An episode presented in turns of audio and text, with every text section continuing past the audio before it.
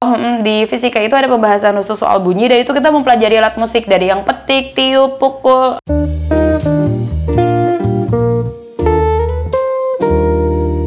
Ya, assalamualaikum warahmatullahi wabarakatuh. Waalaikumsalam warahmatullahi wabarakatuh. Balik lagi. Back with me. Oke, balik lagi di podcast kaji santai. Lu yang kaji, gua yang santai. Al- Baiklah. Alhamdulillah tamu kita kali ini kembali lagi dari yang episode Mhm. kemarin ya. Episode apa sih? Lupa gue. Eh, episode yang guru bahas tentang LDL itu loh. oh iya, guru long di guru di masa learning. corona. Nah, itu dulu. Nih, Ya, guru di masa corona. Ini jadi teman bincang gue sama yang guru di masa corona. Ini karena mungkin Iya, bin- kembali lagi. Iya, mungkin karena bintang tamunya ya itu itu aja ya nggak apa-apa lah ya teman-temannya. Eh nggak apa-apa, lah. kan pembahasannya beda, ya kan? Iya. Eh tapi kemarin itu lumayan loh yang itu yang guru corona itu Lumayan apa nih? lumayan yang banyak Mhm. dengernya. Oh gitu. Iya lumayan. Alhamdulillah. Ya adalah ya kalau gitu ya. Iya. Traktiran buat saya. Belum belum ada iklan yang masuk bu. Nanti ya kalau misalnya baiklah, teman-teman ada yang punya gorengan atau martabak yang mau kita iklanin ya boleh gitu maksudnya. boleh, boleh, boleh banget. Oke, tapi kita bahasan kali ini tidak tentang guru lagi, ya, Ya, karena ya ya janganlah jangan tentang guru mulu. Kayak du- dunia perguruan begitu-begitu saja. begitu-begitu saja. Dan juga masa Iya. masa pandemi kan udah mulai terbiasa sih guru-guru udah nyantai. Iya, orang-orang sudah mulai masuk ke new normal itu. Nah. Eh tapi sekolah masih tutup sih kayaknya ya, Iya, sampai masih. akhir tahun. Ah. Oke, langsung saja. So, eh, Mhm. Kebetulan Apa yang kita bahas hari ini? kita mau bahas tentang yang agak-agak serius nih. Itu yang agak-agak Mhm. Oh, ilmu pengetahuan ya. Jadi dari dulu dari kemarin kan bahasnya gosip-gosip doang. Oh gitu. Jadi anda kemarin bergosip-gosip doang Iya. sama siapa aja? Sama ibu yang teman Anda itu juga lah. Oh iya iya baiklah. Nah, Saya udah denger kok yang itu. ah, ah, kali ini kita bahas yang serius yaitu pengen bahas tentang ilmu pengetahuan. Ilmu pengetahuan yang Luar biasa. yang menurut saya sangat menarik. Cuman ya Mhm. emang dibilang kadang ngebosenin ya itu tergantung orangnya kan ya Fare. Iya, tergantung minat dan bakat orangnya kan kayaknya. Kan dulu kita waktu SMA gitu kalau belajar eh, apa sih science ya? Science itu apa sih? Mhm. Bahasa Indonesia. IPA, IPA, Ah, ah. ilmu pengetahuan alam. ilmu pengetahuan alam. Nah, itu kan ribet banget tuh apalagi ada kimia, fisika, terus Biologi. biologi gitu kan. Itu yang meng- Betul. menghafal dan harus memahami ya kan.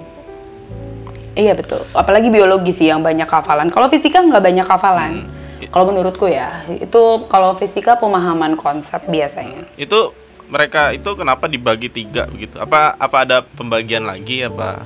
Itu kan ya. Sebenarnya kalau kita mau bahas, eh, eh. Ah, baik. sebenarnya kalau kita mau bahas kayak lebih rinci itu, itu sebenarnya astronomi itu terpisah sendiri.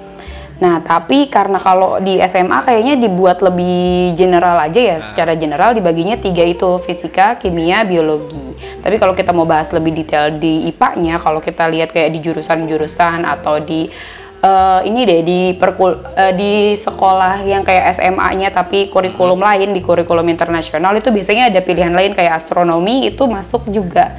Jadi dipisahin. Tapi kalau di kurikulum nasional, astronomi itu masuknya ke fisika Oh, digeneralkan. Perbintangan Mm-mm. Jadi kan kayak ya? buat kita sih, mm-mm, betul betul. Sebetulnya ada lebih banyak, cuma karena di kurikulum nasional kayaknya dibikin ringkas dulu ya untuk yang SMA-nya dibuat lebih mudah dulu gitu. Nah. Jadi dibaginya tiga karena memang lebih mudah kalau dibagi tiga gitu. Soalnya simpelnya gini, eh, ini kan ilmu pengetahuan alam kita fokusnya ke eh, alam ke ke alam. alam Iya. ya.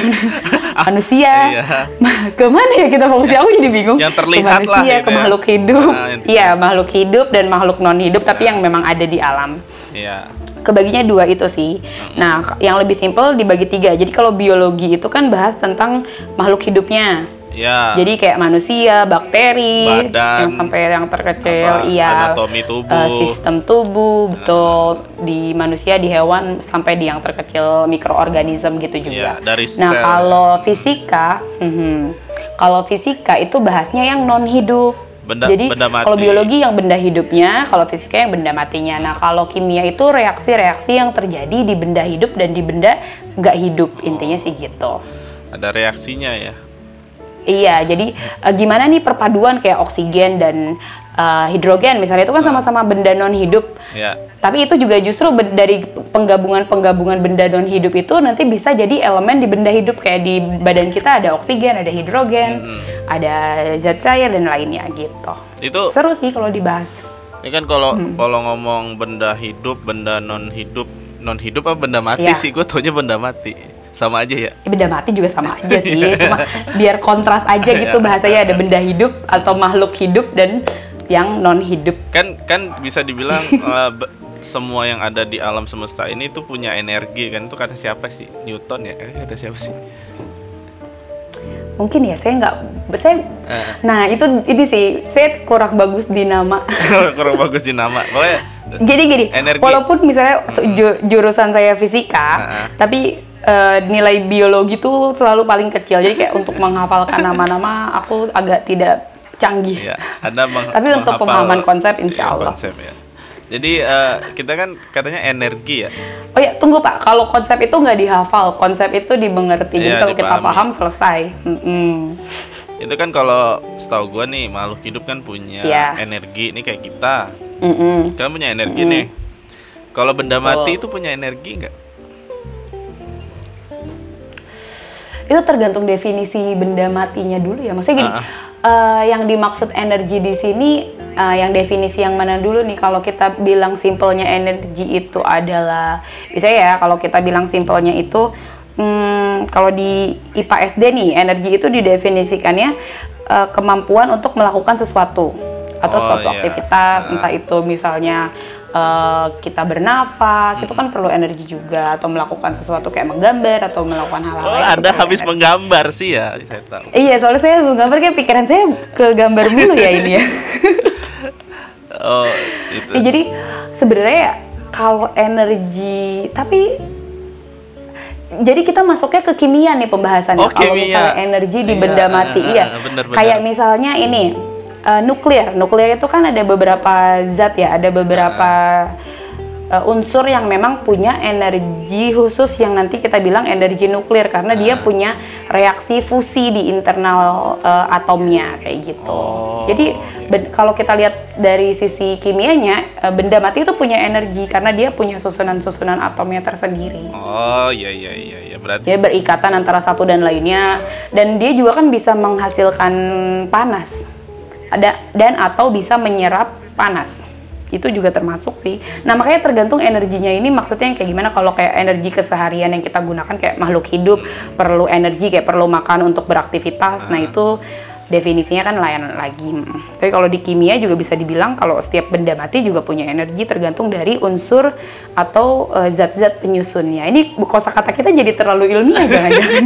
Ini- Bapak bo- tolong ingatkan saya ya kalau misalnya tidak apa-apa bahasanya agak kurang sudah saya bilang ini bahasan kita kali ini serius karena saya nih sebagai orang Iya. yang tidak mengerti akan sains ya jadi ya Tapi kan Anda. SMA-nya IPA. Ah, ah, sering bolos maaf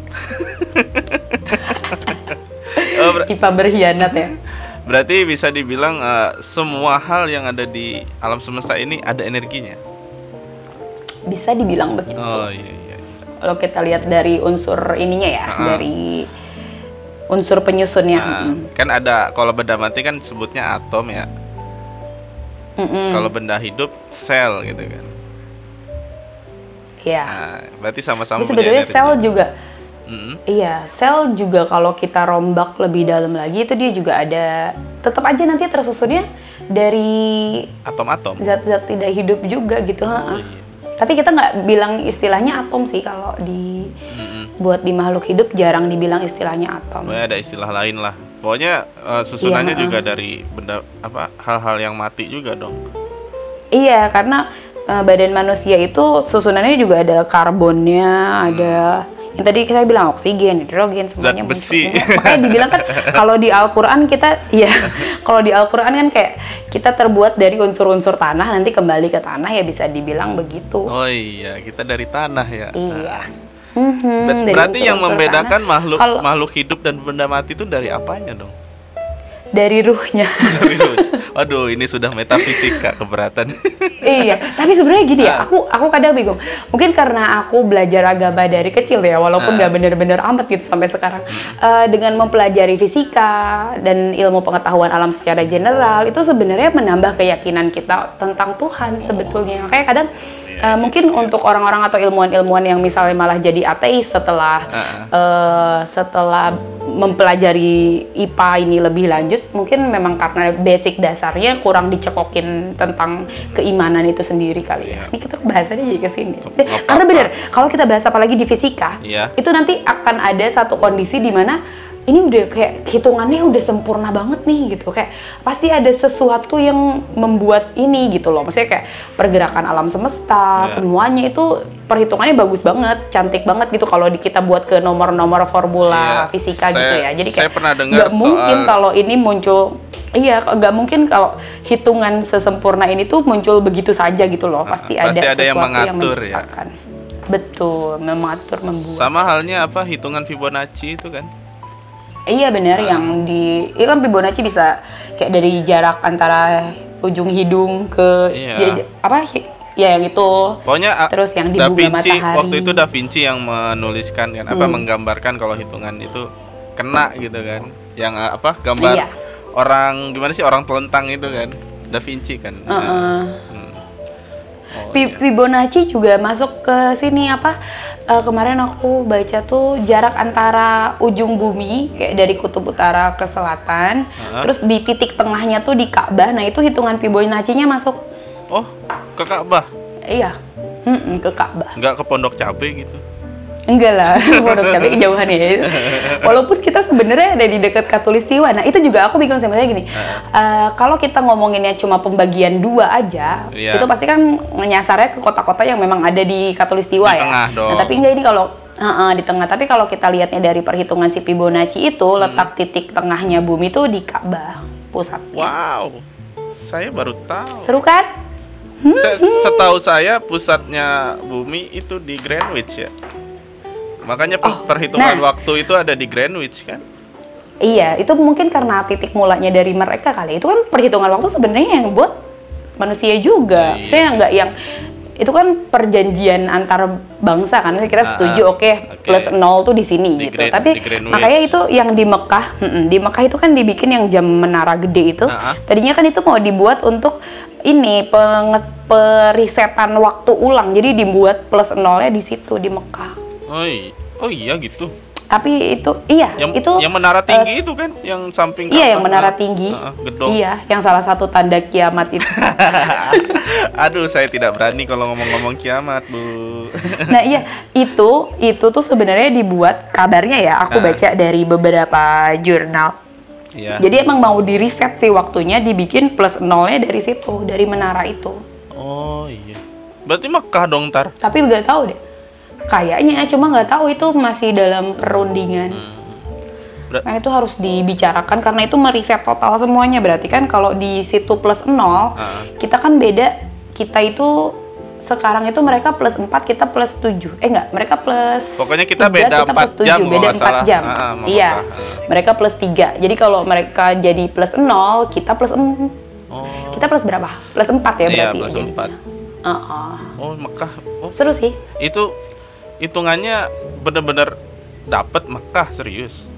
Kalau nah itu kayaknya masih harus aku baca-baca lagi. Iya. Cuma kemarin sih aku Soalnya orang, orang seluruh dunia juga nggak bakal nerima kalau misalkan itu iya, secara hitungannya makanya, salah. Kayak, nah. Uh, uh, makanya itu masih di ini harus lagi sih. Cuma secara, secara hitungan ilmiah. Fibonacci, mm -mm. tapi secara Fibonacci itu dibilang memang pusatnya di Mekah itu hmm. di Ka'bah. Tapi itu kayak masih ini loh, kayak kayaknya pihak-pihak barat tuh walaupun setuju dengan perhitungannya, misalnya perhitungannya bener nih, pusatnya di sini. Yeah. Ini uh, kalau kita riset waktu juga nggak apa-apa nih, misalnya ini akan lebih bener nih secara hitung-hitungannya.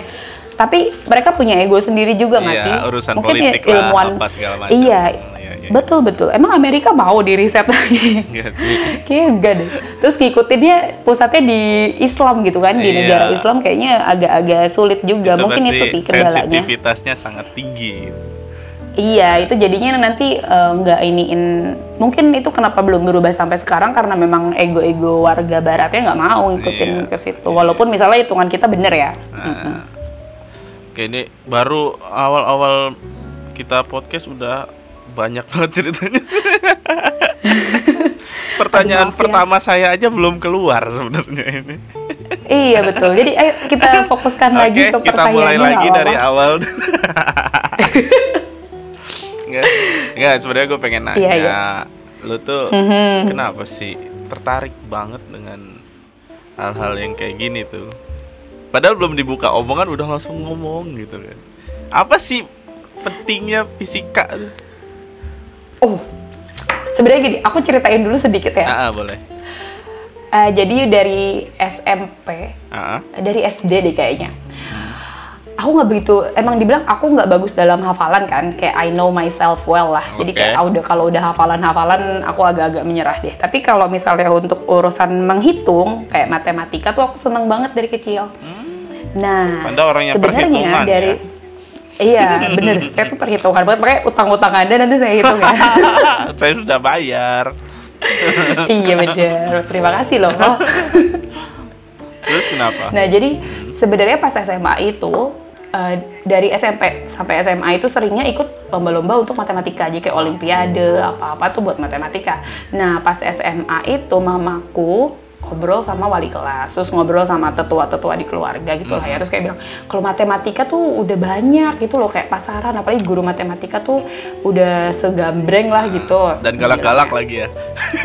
uh -uh. Nah terus mama tuh ngobrol lah tuh sama guruku hmm. terus bilangnya gini kalau nggak matematika fisika lo gitu. Karena nggak mungkin dia nyaranin biologi ya orang biologi itu remedial mulu soalnya. ya. iya soalnya bener deh biologi tuh hampir remedial mulu setiap ulangan kayak 60 kayak oh my god I feel so stupid.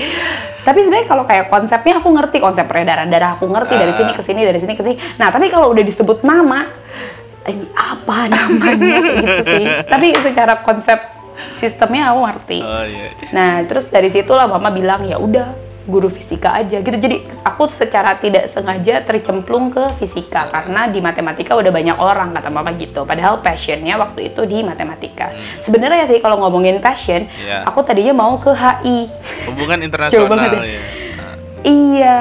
Jadi waktu itu udah dapet satu uh, free pass gitu langsung masuk di salah satu kampus di Bandung. Hmm. Untuk sebut HI, saja ITB karena ya. Bukan, oh, bukan. Oh, enggak, oh, bukan. Kampus biasa sih. Uh. iya cuma dapat langsung masuk karena itu apa lomba apa waktu itu ya punya ada lomba gitu terus mana bukan olimpiade.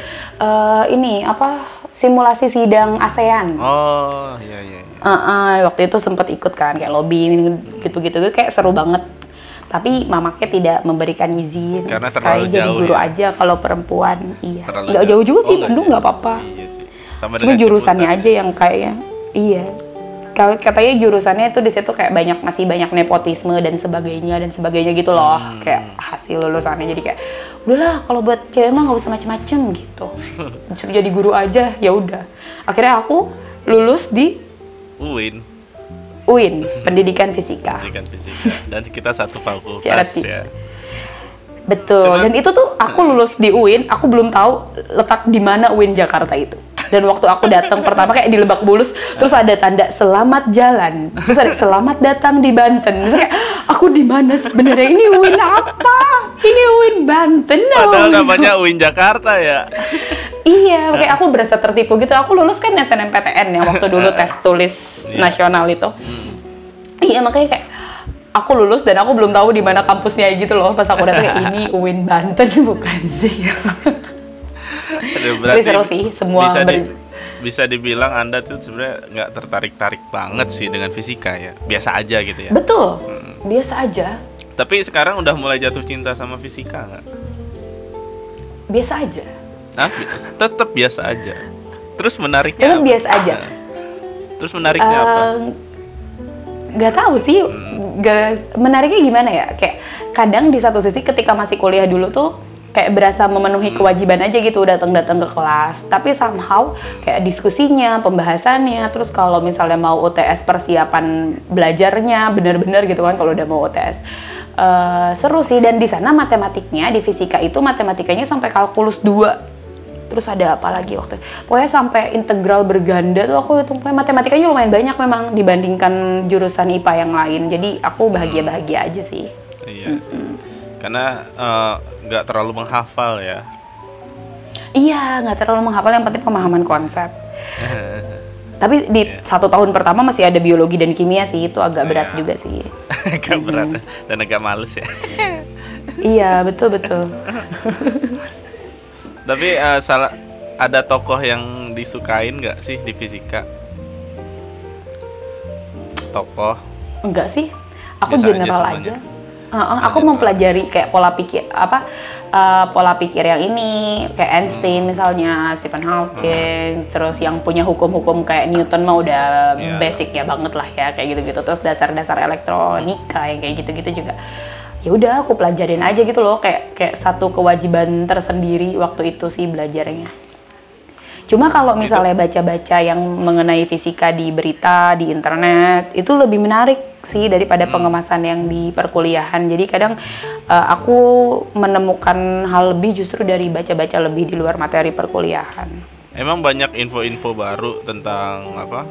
Science gitu yang lu baca. Iya. Saya tahu tahun 2020 ini ada hal baru nggak sih? kalau 2020 ini kan concern semua orang hampir rata-rata ke corona itu ya. Oh, corona. Enggak kan uh, kemarin kayaknya yang black hole. Yang foto, itu. Foto black hole. Oh iya, uh, uh, uh. Aku baca-baca sedikit sih, cuma nggak begitu tertarik sebenarnya. Anda kurang tertarik dengan perbintangan ya? Eh, enggak juga. Hmm. Di sekolah kan kita ada klub astronomi itu saya yang bawa dari UIN. Iya. Yang ropong-ropong gitu ya.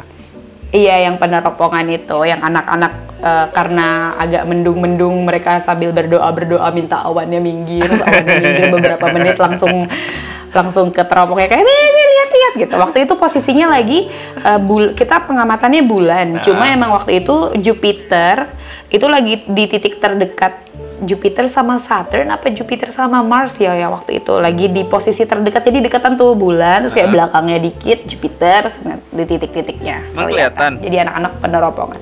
Kelihatan cuma ya titik doang gitu sih. Titik Karena teropong kita nggak yeah. secanggih yang di Iya, tapi tapi kebaca maksudnya kelihat jelas kalau itu Jupiter. Hmm, tapi itu uh, fisika itu punya ini enggak sih? Gue masih masih belum ngerasa apanya gue hmm. yang bego nggak tahu ya. Mm-hmm. uh, pentingnya buat kehidupan sehari-hari apa aja gitu. Oh baik baik setahu saya Jadi, matematika kan... kan matematika ngitung. Mm-hmm. kita kita jajan ngitung tuh ngukur tanah gitu anda nah, basic ini banget ya basic needs banget ya kayaknya. Nah kalau fisika apa? Apakah menghitung gravitasi? Baik pulpen kita jatuh ke lantai apakah harus dihitung itu? Iya sih kalau kalau dilihat yang dari sisi itunya sih kayaknya emang kayak useless banget ya. Uh cuma sebenarnya fisika itu hampir di semua hal di kehidupan kita itu pasti ada tentang fisikanya. Kayak dari kendaraan. Oh iya kendaraan. Mesin. Uh Oh iya, uh, iya. Iya, mesin. Terus nanti pergerakan planet dan tata surya juga itu masuk. Uh, Perhitungan bin, uh, perhitungan tahun Hijriah dan Masehi ya, Pak ya. Oh iya. Terus Oh, banyak juga ya. Uh, pasang surut uh, air laut. Iya, uh, terus musik juga masuknya oh, ke fisika. Musik. Itu kan ada oh, iya, pembahasan musik. khusus di bunyi. Uh, saya ya, pengen nanya-nanya soalnya tentang musik nanti. Iya, terus nanti, nanti tentang cahaya. Uh, Cahaya juga masuk ke fisika. Terus elektronika juga itu masuk pembahasan di fisika sebetulnya, uh, dasarnya di elektronika Uh, terus hampir semuanya. Engineering itu mm-hmm. anak-anak yang masuk ke engineering basic fisikanya harus benar. Fotografi juga itu dari fisika optik dan sebagainya. Itu oh. pel- kacamata anda itu juga fisika. Kacamata saya fisika ya. Penemuan lensa ya. kulkas rice cooker itu juga fisika dasarnya. Uh, iya, iya. tapi memang uh, kalau untuk uh, uh, ilmuwan fisikanya sih paling kita lebih ke teori-teorinya gitu sih. Hmm. Nanti uh, pembuatannya atau aplikatifnya lebih ke bagian yang engineering. Soalnya mungkin untuk bikin-bikin. anak-anak SMA pas kita belajar itu kayak kita nggak nggak iya benar nggak mengerti ke arah ke arah banget kan. Uh, sangat hmm. membosankan. Eh mungkin kalau sekolah exactly. sekolah-sekolah luar itu mungkin di luar negeri mereka udah ke arah elektronik gitu kan menarik. Iya. Misalnya handphone, betul. misalnya internet, di, internet, mm-hmm. misalnya kayak di Jepang kan buat handphone udah. Misalnya iya, anak-anak sekolahnya. Mm-hmm. Terus pada Karena di fisika itu ada pembahasan tentang gelombang ah, juga. Ah. Gelombang itu kan ada banyak. Gelombang suara, hmm, bunyi. Saya tahu gelombang air doang nih. Iya gelombang suara tahu musik ya ya ya, ya benar, benar. Iya terus kayak cahaya sendiri kan itu dia bisa dua bisa gelombang bisa partikel. Makanya dia bisa lewat di vakum maksudnya di ruangan yang hampa udara. Kayak di luar angkasa cahaya masih tetap nyampe kan dari matahari ke bumi tapi yeah. suara nggak bisa. Berarti ya, kalau emang, mm -hmm banyak hal sih. Pokoknya kalau dibahas kayak apa sih fisika begitu doang? Kayak bahas kecepatan apa iya. pentingnya gitu. Maksudnya uh, kalau misalnya kecepatan gaya fisika, gitu kan. Iya Iya kalau kita nggak pelajari fisika itu mungkin teknologi-teknologi terupdate kayak sekarang pesawat jet, roket, mm -hmm. satelit dan sebagainya itu yang nggak ada soalnya basic awalnya dari fisika itu sendiri. Makanya salah satu presiden kita kan bapak fisika juga kan. Hmm, betul betul betul. Dasarnya di fisika. Eh, Tapi emang ini sih kalau pelajaran SMA kita tuh membuat fisika seolah-olah lebih menakutkan daripada matematika. Sebetulnya tidak. Mereka itu bersahabat baik. Hmm. Berarti uh, Tapi kalau bisa ma iya kalau bisa matematika, fisikanya mudah deh insya Allah. Karena uh, fisika juga pasti hitung-hitungan kan? Mm -mm. Hmm. Pemahaman konsep. Ini kalau untuk industri berarti butuh banget tuh ya fisika. Jadi pas Iya betul. Uh, pas awal-awal industri kan pas fisika lagi naik-naiknya ya. Iya. Si siap, siapa? Awal industri itu kan hmm. uh, penemuan mesin uap ya. Mesin uap ya. Mesin uap, mesin uap tuh siapa sih Maxwell apa? Siapa ya? Aku lupa penemu mesin uap. Aduh, Pokoknya jangan bukan orang pondok nama. cabe. Iya. Bukan, bukan orang bukan. pondok cabe. Jadi iya awalnya revolusi industri di Inggris itu kan itu sih uh. pen, adanya penemuan mesin uap itu. Nah dari mesin uap itulah muncul yang kayak pabrik, kereta api dan sebagainya. Ya, yang nanti terus ada mm -mm, langsung ada polusi dan hmm, lain-lain. Banyak sih ada positif ada negatifnya sih kayak Kalau bom nuklir tuh? listrik juga fisika. Kapan tuh ya? Pas siapa namanya? Oh. Si aduh anda menjebak Tesla. saya deh kayaknya. Tesla Tesla Tesla emang listrik ya? Eh, bu bukannya listrik ya? Tesla. Bu dia bukan yang pertama deh. Tesla tuh oh, bukan yang listriknya. Ya. Iya, Tesla itu pengembangannya. Oh, Jadi dia kayak mau bikin Iya dia mau bikin untuk uh, supply listrik dari di semua rumah tanpa kabel. Jadi ada uh, cara khusus diinduksi gitu deh kayak. Pokoknya dia percobaannya lumayan Mengerikan. inovatif sih, cuma sampai sekarang belum ini, iya belum begitu terlaksana. Oh, iya, iya. Tapi secara teori bisa itu, bisa dilaksanakan. Ya, maksudnya kayak eh, nggak uh, perlu kabel-kabel ke semua rumah, cuma ada perlu satu tower khusus. Kan, bu bukannya udah di, udah ditemukan sekarang tuh kayak apa? Kita ngecas handphone nggak pakai kabel tuh yang Oh iya, betul-betul yang sekarang kan teknologi sekarang kayak coba disimpel aja uh, uh. yang kayak wireless gitu uh, wireless, dari wireless. iya, uh. Misalnya kita mengirim data tanpa kabel kan udah ada. Iya, kalau itu sih udah lama ya, Pak ya dari infrared berarti. Iya. Itu beda lagi ya nama listrik. itu fisika juga. Jadi uh, panjang gelombang yang dari infrared yang masih dari gelombang radio yeah. yang paling kecil sampai sinar X nanti dan microwave dan seterusnya. Microwave di sini bukan oven ya. Ini yang microwave gelombang yang iya. kecil, yang micro. Bukan buat iya. masak mie, bukan. Ya, salah satu aplikasinya buat masak ya, dibikin di microwave itu. iya, terus kayak rongsen, itu juga masuknya ke fisika. Hmm. Ini banyak deh kalau fisika, pas uh, iya hampir semuanya kita hal-hal urgent yang memang kita butuhkan di keseharian kita itu biasanya kalau dipelajari secara teori ya dasarnya fisika kayak listrik, cahaya, kalor, energi, hmm. bunyi. Ini menarik nih. Sekaligus pengen nanya juga nih musik. mm -mm. Kan saya ini anak musik, tahu deh.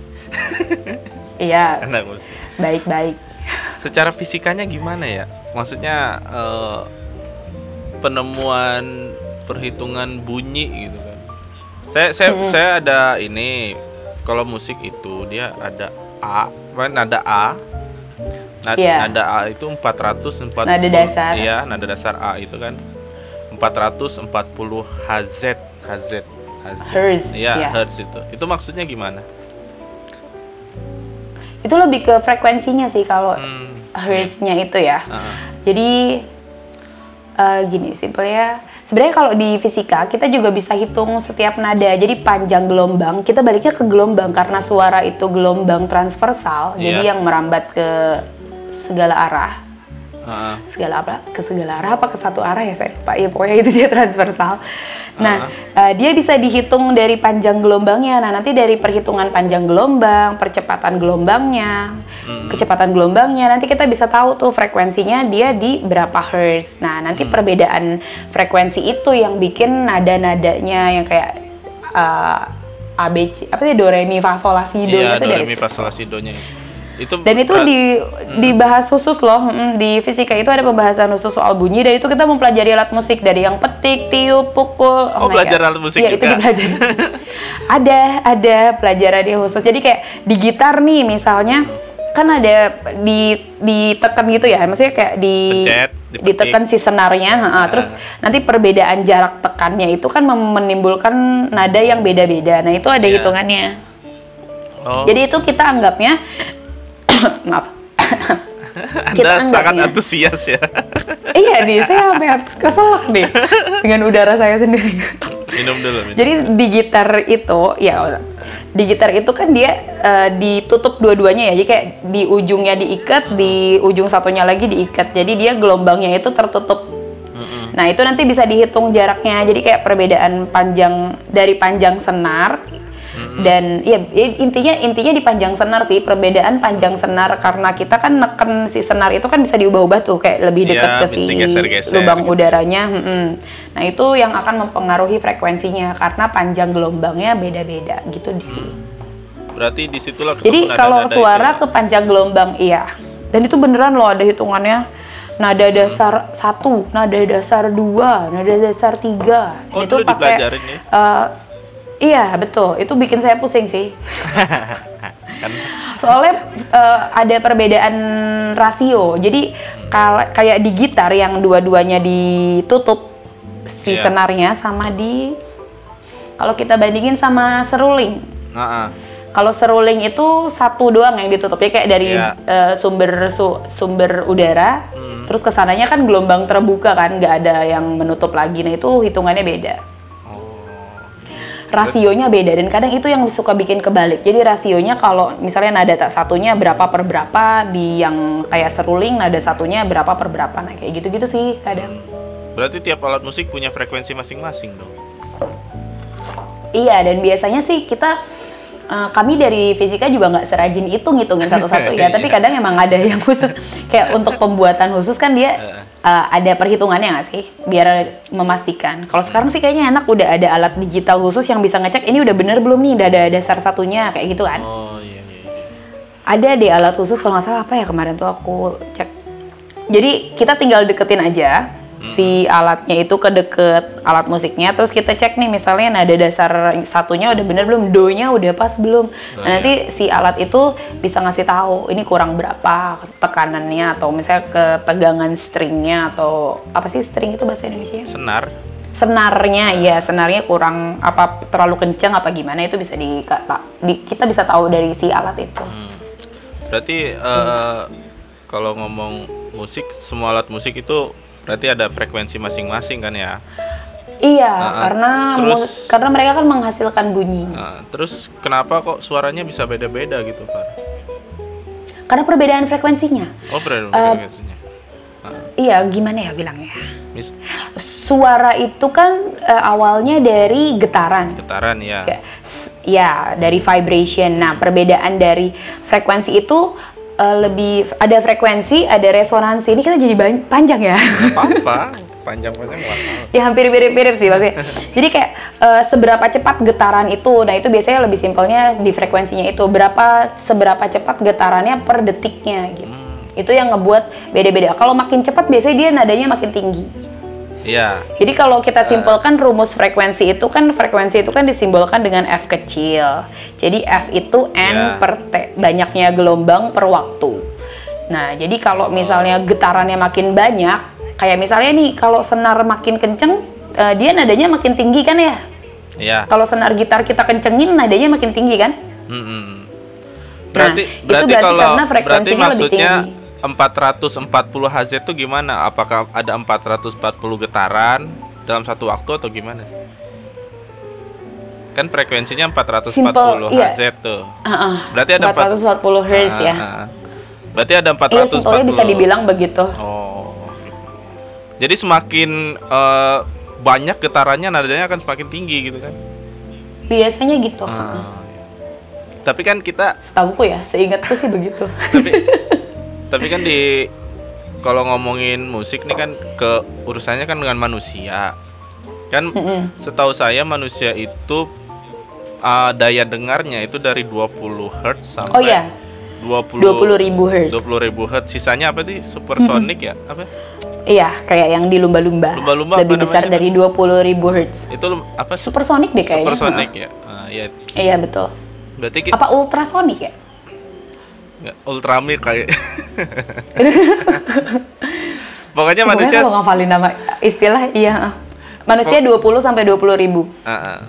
jadi kalau di musik tuh ada tiga setahu saya itu jadi ada namanya hmm. low middle hmm. sama high hmm. jadi ada nada-nada yeah. yang rendah Terus hmm. ada nada-nada yang tengah dan ada nada yang nada yang tinggi. Makanya biasanya kalau di mixer apa? Mixer buat sound system itu itu kan ada putaran. mixer buat jus. Enggak. mixer buat sound system tuh kan ada putaran-putarannya itu. Iya. Nah, itu ada low, ada mid sama high. Cuman agak menarik juga yang saya temukan kayak gini. Mm-hmm. Ketika uh, biasanya kan sering dengar musik yang kayak IDM IDM gitu kan. Mm-hmm. Nah, itu kan suaranya duk duk duk gitu banget kan.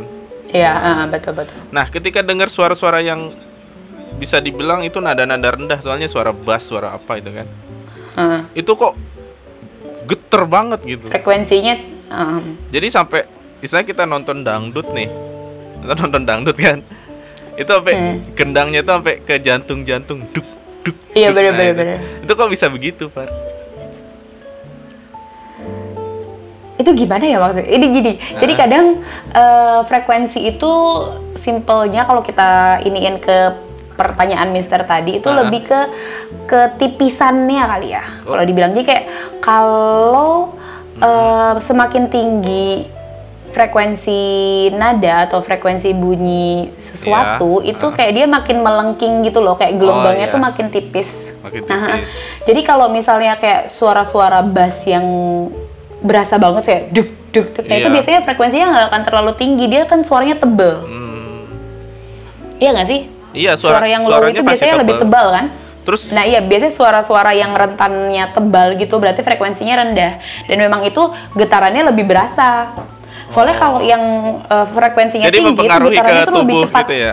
Tubuh kita jadi uh, berasa getarannya lebih cepat. Uh, mm -mm, betul. Makanya itu kadang lebih lebih berasa sih kalau misalnya kayak kayak gimana ya simpelnya? Kayak kita kalau dipukul kayak bek bek bek kayak berasa gak sih? Oh iya berasa sih kalau dipukul yang... berasa sakit. Iya iya iya. kalau misalnya kalau dicepetin tuh gimana ya aku bilangnya? Kayak kadang nggak berasa bukan nggak berasa juga tetap berasa juga ya kalau kecepatan perpukulnya tinggi. Cuma kalau vibrationnya lebih cepat uh -uh itu malah jadi kadang badan kitanya nggak sesensitif ketika vibrationnya lebih rendah dan jelas di nada-nada rendah itu. Oh. Frekuensi lebih ke ketipisan nadanya berarti ya. Berarti dia tipis karena pergerakannya cepat. Uh, berarti uh, kan kalau suara kan media apa suara bunyi atau suara itu medianya pasti udara kan? Apakah apakah Belum tentu, di air juga bisa. Oh, di air bisa.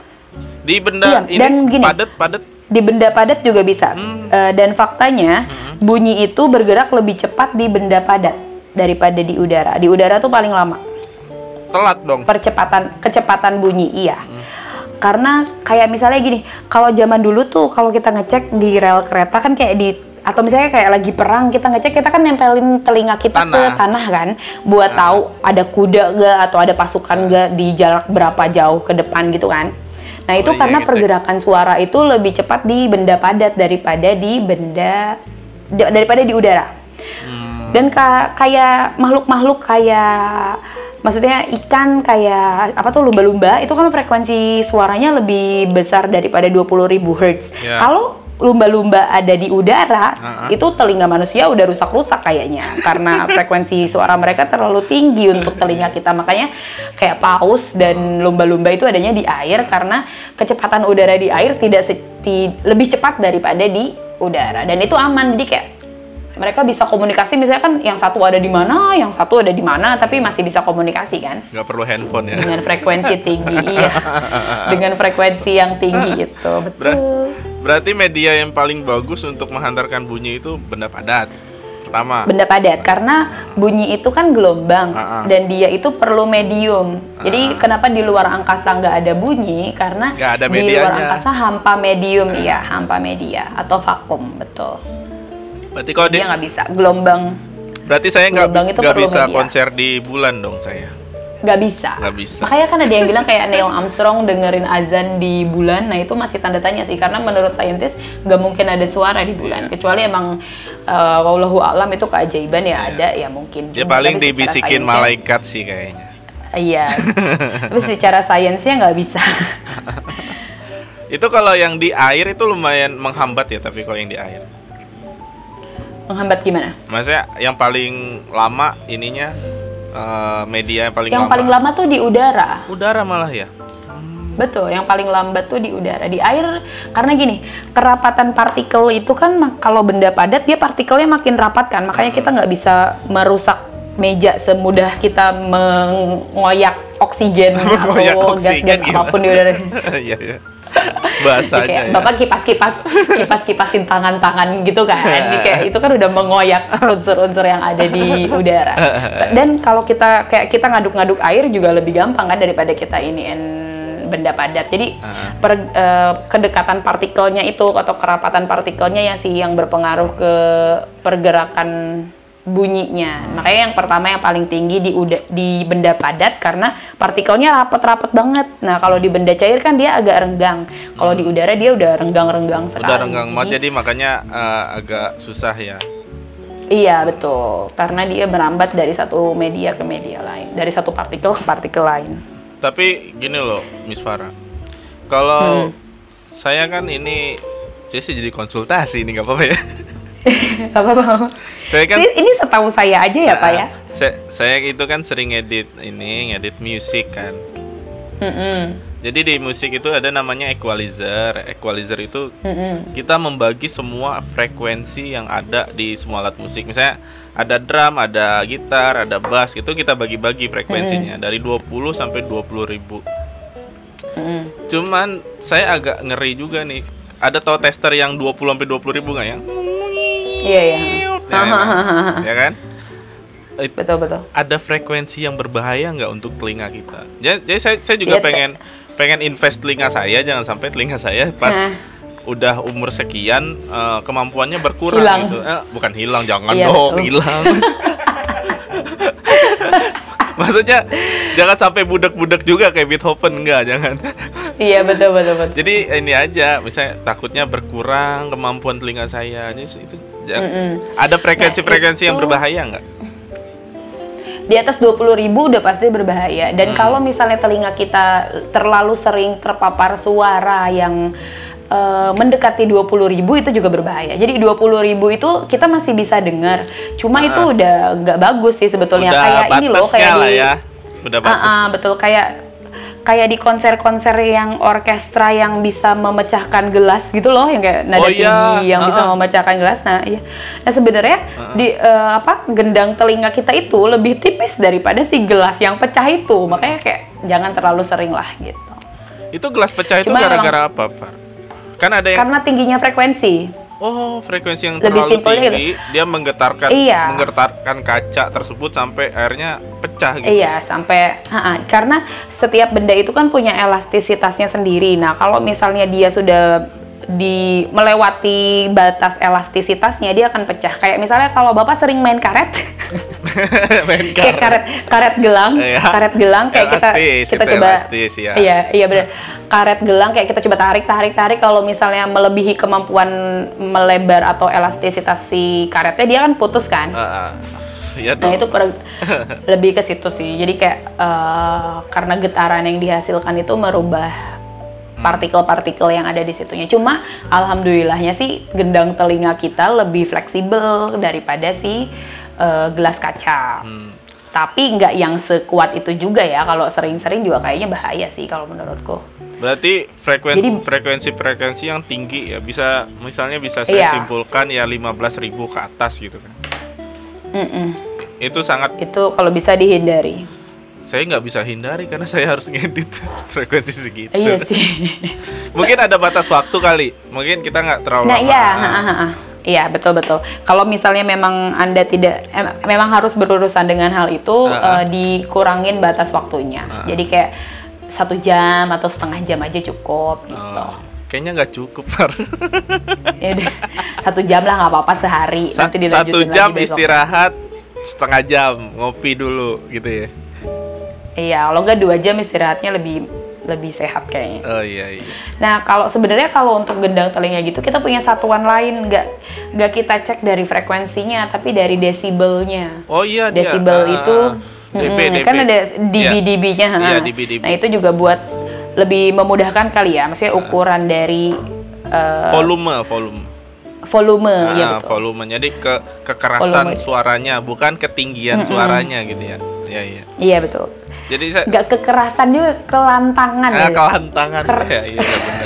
saya ngomongnya suara keras. Ya, aku juga. Aku tadi mau ngomong kekerasan suara juga kayak kekerasan kelantangan suara ya gitu. Iya, iya. kayak kekerasan rumah Nah biasanya kayak ya duh ngeri juga ya.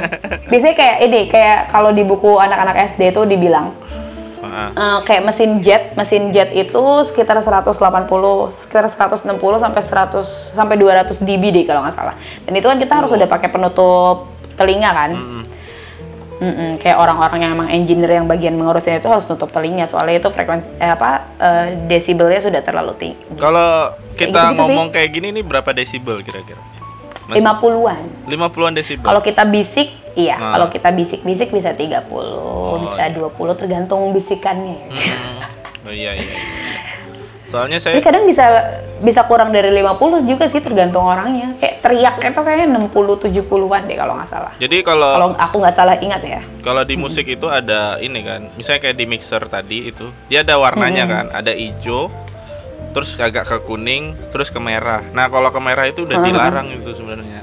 Jadi Iya betul, itu uh, udah terlalu tinggi ya. Suaranya itu pecah dan sangat menyakitkan telinga. Biasanya kita main di, nah, area-area kuning nih.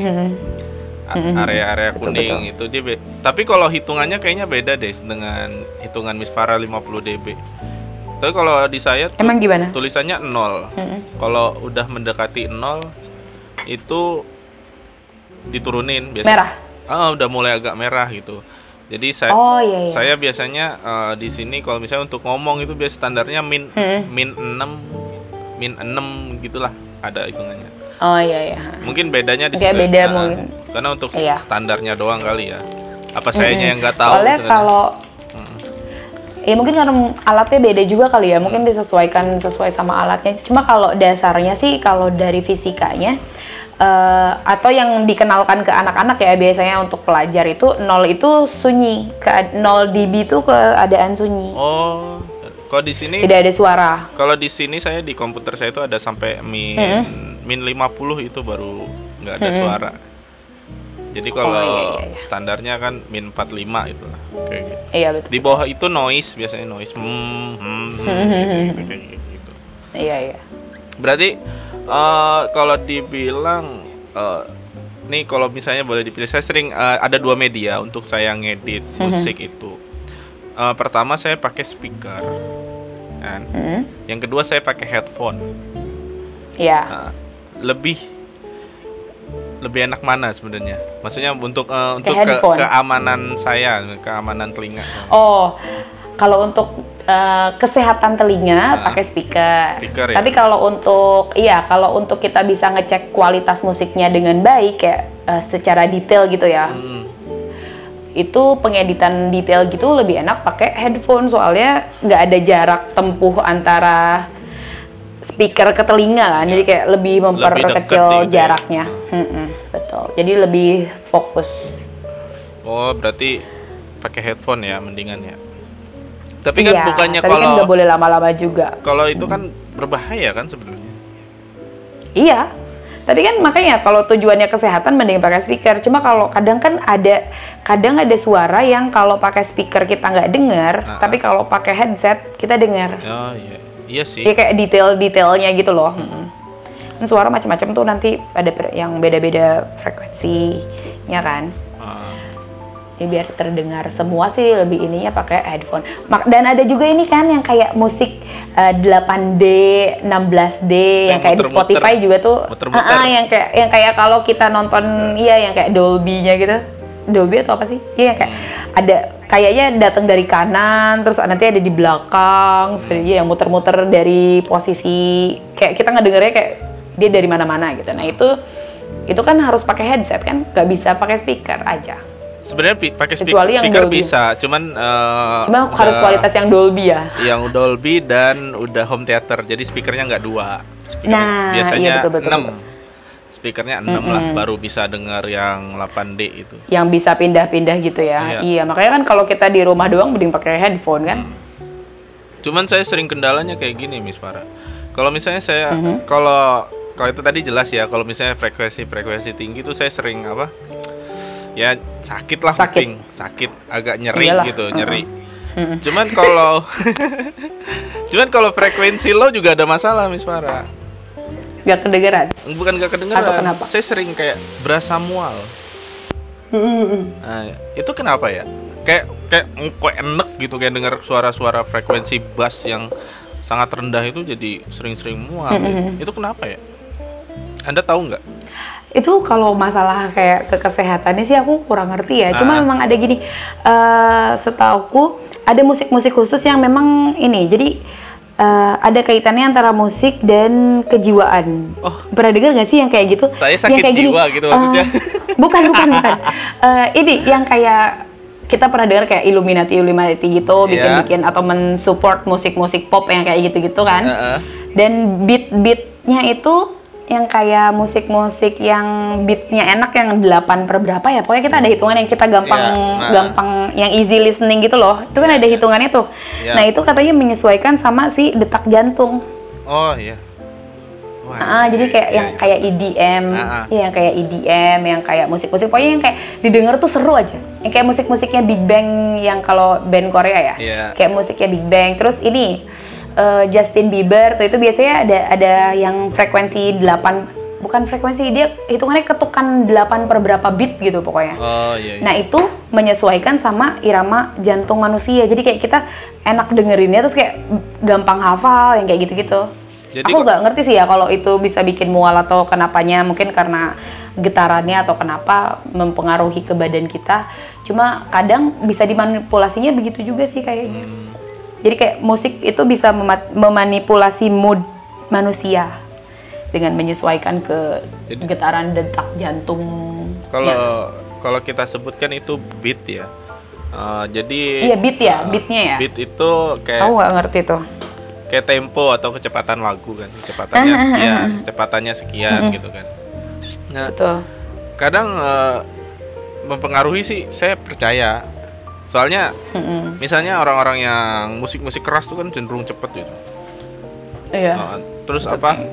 Kayak dia pengen emosi gitu kan gimana sih kalau orang emosi terus kepribadian kan? orang-orangnya juga beda ya iya itu Saya, orang tertentu itu menyukai jenis musik tertentu kan kayak orang iya, iya. makanya ada hubungannya sih pasti ya antara musik dan kejiwaan seseorang itu kayak misalnya kita, bisa jadi uh, misalnya orang-orang yang santuy itu sukanya reggae reggae gitu kan reggae kan nyantai mm -hmm. sangat sangat santai terus uh, kalau orang-orang yang dunia malam itu kan mereka sambil apa sih? Yang disco disco. Disco disco, terus yang Iya benar. Apa mabok-mabokan, mohon maaf nih, yang mabok-mabokan tuh. Jadi suara-suara IDM itu emang sangat memacu mereka untuk untuk iya betul. Semakin ngefly lah istilahnya itu. betul betul. Dan uh, misalnya dengan tempo-tempo lambat seperti yang saya mainkan biola, pasti anda mengantuk. Iya iya makanya kan kayak, kayak ada ada tujuan-tujuannya uh, tersendiri kan iya, dan ada iya, pecinta-pencintanya tersendiri. Iya menarik menarik nih menarik menarik. Iya makanya itu kadang masuknya di gak sih kayak um, uh, favorit genrenya apa gitu pop kah hmm. jazz kah kayak gitu gitu kadang kan kita bisa lihat kepribadian seseorang dengan dia bilang apa nih genre musik yang paling dia suka gitu. Kalau anda ya. sukanya apa? Nggak tahu aku mah denger denger aja nih semuanya jazz iya country kadang-kadang pop. Pop. jazz. tapi paling sering pop deh kayaknya. Oh iya pop. Karena pop itu mungkin temponya juga paling santai. easy listening uh -huh. iya iya betul. Tempo orang normal ya. Iya. Yang emosi tidak sedih banget juga enggak biasa aja gitu. Enggak. Iya biasa aja tuh betul anda nggak suka musik metal kan Enggak, enggak, enggak. Nah, ntar banting-banting buku ya. lagi, ya. ntar banting-banting iya. buku. mungkin mungkin suatu saat ketika memang ada di titik yang perlu musik metal mungkin aku dengerin. ketika frekuensi kejiwaannya udah pas sama musik itu. Tapi ini bukan berarti kita ngatain kalau musik metal tuh orang yang oh, no no iya bener-bener enggak. Maksudnya enggak, enggak gitu. aku Ini selera kan ya? Maksudnya betul betul. Selera aja. Jadi mm-hmm. orang-orang yang suka pengen berpacu adrenalinnya dengerin yang metal-metal. Betul. Kalau yang pengen santai reggae. Iya. Eh, pengen, jadi sesuai dengan uh, kepribadian aja. Pengen yang damai klasik gitu-gitu aja kan ya. Iya. Biasanya klasik tidur ya. Tidak bertahan lama nonton dengerin musik klasik. Kalau uh, sulit. Kalau anda kan seperti orang kebanyakan ya ngepop aja gitu mm -mm. kan, normal-normal aja. Betul betul. Iya. Tapi uh, Betul sekali. Ada tips nggak supaya kita uh, inilah dalam mendengar suka fisika? Enggak. musik dulu lah, habis ini baru fisika. Oh, musik dulu. Baik. Biar kita aman dengerin musik. Kan tadi kan bahaya tuh tadi tuh. Mm -mm. Sebenarnya ini sih kalau kayak di sekarang nih apalagi kita lagi di rumah aja gitu. Uh -uh pasti kan ke gadget lagi ke gadget lagi. Iya, kadang pasti. kayak betul itu selain radiasi dari sinar birunya kita bilangnya simpelnya sinar biru dari gadget ya itu juga kurang bagus buat mata. Jadi di ini aja untuk ma kesehatan mata dulu nih ya uh, pak ya. Iya. kalau untuk kesehatan mata dulu mata saya udah sakit ini bu. sih. Iya saya tahu. Makanya jangan sampai tambah sakit ya. Iya, udah minus. Jadi se seenggaknya itu ada jeda sih ada jeda. Kalau kita kan lihat gadget itu uh, jangka apa ya jarak matanya paling berapa senti aja gitu kan 30 lah enaknya jangan terlalu dekat jangan terlalu jauh dan 30 lalu istirahat ya, jadi kayak standar. 30 sampai 3 sampai 40 nah. sentian lah. Terus setelah satu atau dua jam disimpan dulu abis itu lihat sesuatu yang jauh jadi kayak biar matanya uh, biar otot matanya tuh relax dulu. Oh, dan dia latihan iya. fokusnya iya. Jadi latihan fokus biar matanya nggak cepet minus atau plus. Itu setelah lihat benda dekat istirahat lihat benda jauh. Terus kayak mainan fokus gitu loh ya kayak yang paling jauh. Terus nanti lihat yang agak deket lihat agak deket agak deket sampai yang deket banget iniin lagi ke yang jauh. Itu kita bilangnya senam mata sih ada juga itu. Itu senam ada mata senamnya. dengan main fokus aja. Ada ya jadi ya. kayak cuma main fokus matanya aja kayak lihat benda yang kira-kira paling jauh nih. Dari depan rumah apa yang kelihatan paling jauh misalnya ujung menara apa atau matahari atau bulan atau jangan lihat matahari jangan mendekat, pedes. Iya jangan lihat matahari juga ya. Pedes. Ya kira-kira paling jauh aja. Nah itu nanti main frek, eh, mainnya di jarak aja jarak fokusnya. Nanti di dekat lebih dekat lebih dekat lebih dekat terus uh, jauhin lagi.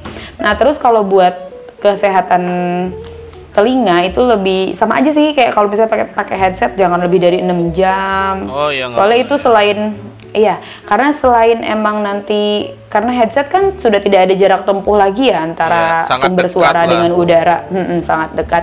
Dan itu kalau dan itu menutup lubang telinga kita kan. Hmm, Jadi kayak lama kelamaan kalau si lubang telinga ini tertutup terlalu lama, e, bakteri yang ada di dalam telinga itu dapat berkembang lebih cepat daripada pas kita buka. Ya kan sirkulasi udaranya nggak masuk kan, oh, kita iya. tutup aja.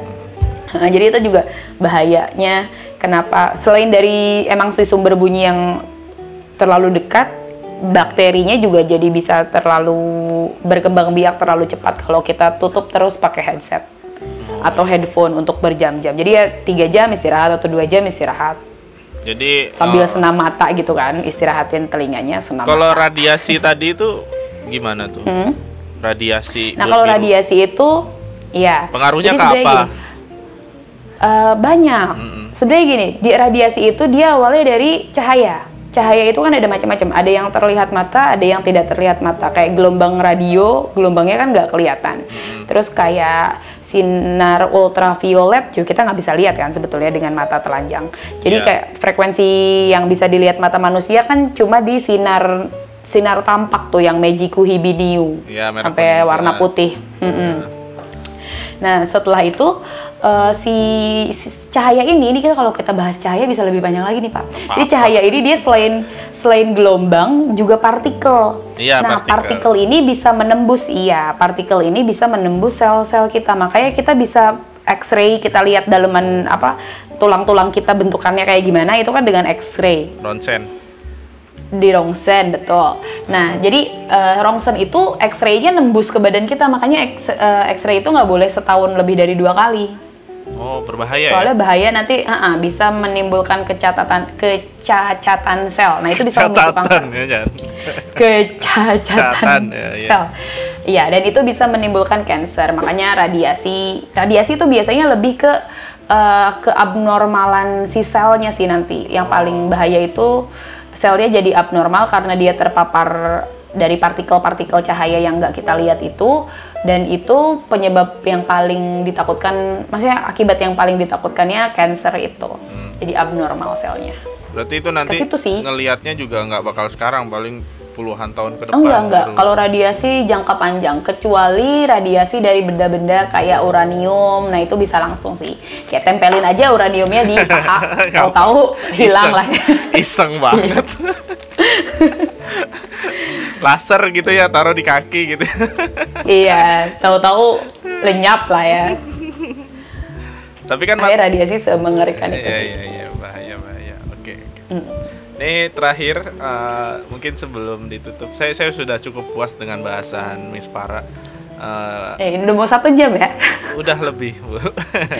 ya, udah lebih ya? Oh my god, gak berasa. baik, baik, baik. Uh, gini aja deh.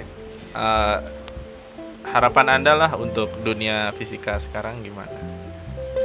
Harapannya kalau bisa pembelajaran fisika itu dibuat lebih aplikatif dan menarik. Oh, oh. Dan uh, soalnya memang teknologinya sekarang lumayan memadai dibandingkan dulu pas saya kuliah emang riet lah gitu ya kalau kata orang Sundanya. Tapi kalau sekarang sih dengan teknologi kita yang sudah lebih canggih juga ya, maksudnya itu bisa dibuat lebih menarik dan lebih aplikatif. Jadi mahasiswa ataupun siswa-siswanya itu tahu bagaimana pentingnya fisika di kehidupan sehari-hari. Iya, karena dan saya sebetulnya, berasa agak penting dulu pas SMA belajar fisika buat apa gitu. Iya. Dan sebetulnya ternyata banyak di banget ya. nyatanya pun hmm, banyak. banyak. Betul, banget. itu meng mengelilingi manusia. Iya baru tahu saya ternyata gitar saya itu fisika banget biola saya itu fisika iya, banget betul lah. Ya. speaker saya fisika banget ya Iya, kita bahas dari yang paling kecil dari atom dan di dalam atom juga masih ada proton dan sebagainya uh. sampai ke yang besar kayak alam semesta itu masuk bahasan fisika semua. Oke. Okay. Mm. Terima kasih Miss Farah ya. atas ya. Oh, satu bahasan. lagi. Oh, iya. boleh, ya. boleh, boleh, Jadi kadang gini, kadar kemajuan suatu negara itu bisa dicek dari ilmuannya dan yang paling bisa untuk bikin satu negara itu jadi developed country itu biasanya kita cek dari ilmuwan sainsnya dan hmm. yang paling utama tuh kalau bisa di fisikanya. Hmm. So fisika itu nanti ada elektronika, ada engineering semuanya ke iya. situ. Arahnya teknologi jadi, lah ya. Iya betul. Dan pembangunan. Jadi semoga masa depan nanti Indonesia banyak ilmuwan-ilmuwan yang pinter lah gitu kan. Amin, iya betul betul. Jadi anda tolong ajarkan ke anak-anak. Masalahnya saya sekarang ngajar di primary ya, fisikanya dikit banget. ya nggak apa-apa. Dan itu kan anda ya, mulai itu temen -temen, udah mulai aplikatif kan. Iya sih, tapi teman-temanku tuh kaget loh. Saya kayak dari sekelas itu cuma aku doang yang ngajar primary. yang lain pada Semuanya SMA. di SMA sih. Hmm. Iya, karena fisika muncul spesifiknya baru di SMA. Hmm. Masih ngajarin bulan gimana bentuknya gitu ya. iya. Iya, betul betul betul. Oke, ada lagi Miss Farah? Siap. Cukup, thank you so much. Oke, terima Maaf kasih. ya aku ngomong terlalu banyak Gak sih ya. apa-apa, pasti orang uh, dengerin kok. Oh gitu. Ya. Terima kasih atas infonya Miss Farah. Jadi saya sudah mulai Ya, mengerti nih ada kaitannya juga ternyata musik dan fisika kan. Betul. Mungkin judulnya itu kali ya, musik dan fisika. Iya kan? Boleh, boleh, boleh. Boleh, boleh. boleh. Oke, terima kasih. kita intinya di situ-situ Ah. ya. Oke, teman-teman pendengar, terima kasih udah yang mau dengerin. Semoga bermanfaat. Terima kasih untuk Miss Farah. Amin. Kita Thank tutup you. dengan wassalamualaikum warahmatullahi wabarakatuh. Waalaikumsalam warahmatullahi wabarakatuh. Bye bye. Bye bye.